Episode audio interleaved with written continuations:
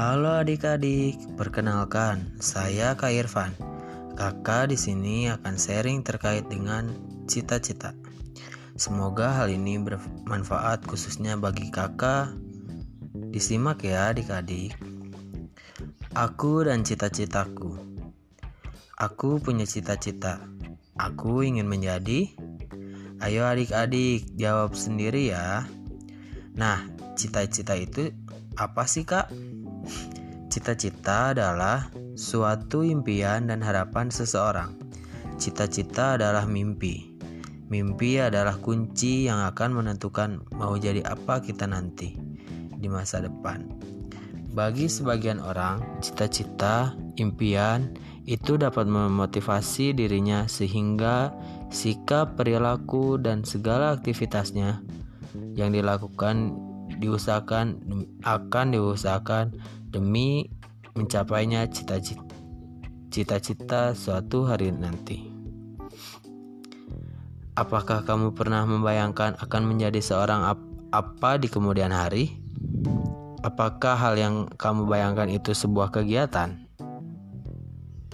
atau sebuah pekerjaan?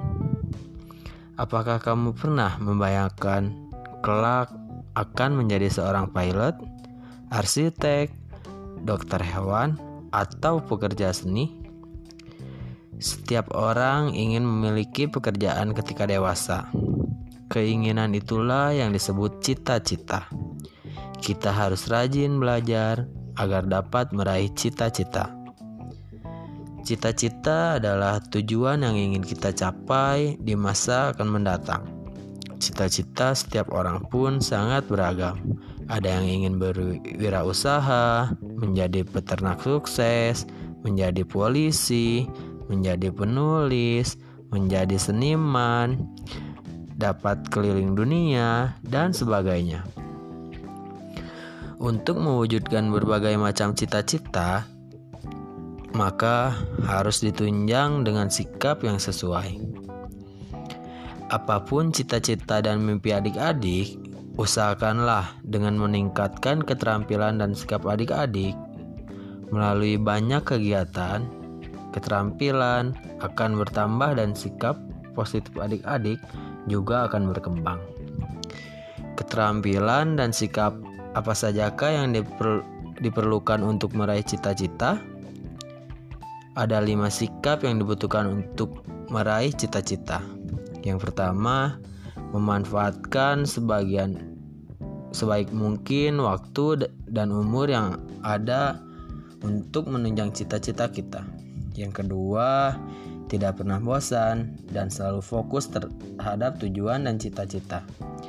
Yang ketiga, meningkatkan soft skill dan hard skill kita.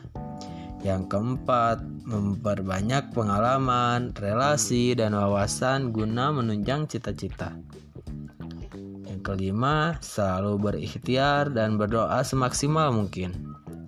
Secara garis besar, manfaat mempunyai cita-cita yang kuat sejak dini adalah hidup mempunyai jalan atau arah yang jelas.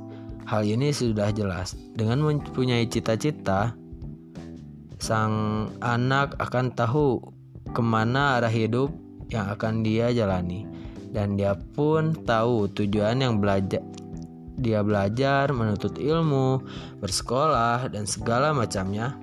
Tujuannya yaitu mengejar cita-cita dan berusaha sekuat mungkin untuk mengejar cita-cita tersebut. Dan jika suatu saat nanti ada hal yang mengalihkan pikirannya dan bisa membawakan keluar dari jalur cita-cita, ingatlah, di sinilah peran orang tua sangat dibutuhkan untuk menuntut anak kembali ke jalur yang seharusnya. Nah, mungkin sekian podcast kali ini. Ingatlah suatu pepatah dari Presiden pertama Indonesia kita, Bapak Yer Soekarno bahwa gantunglah cita-citamu setinggi langit. Jika engkau jatuh, engkau akan jatuh di antara bintang-bintang. Sekian dari kakak, salam literasi, salam, salam inspirasi.